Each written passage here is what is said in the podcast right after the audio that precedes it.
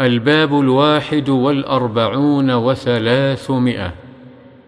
باب كراهة الالتفات في الصلاة لغير عذر. عن عائشة رضي الله عنها قالت سألت رسول الله صلى الله عليه وسلم عن الالتفات في الصلاة فقال هو اختلاس يختلسه الشيطان من صلاة العبد. رواه البخاري.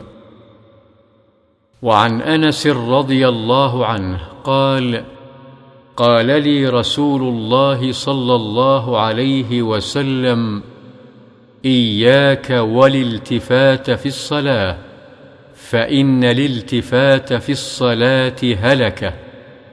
فإن كان لا بد ففي التطوع لا في الفريضة.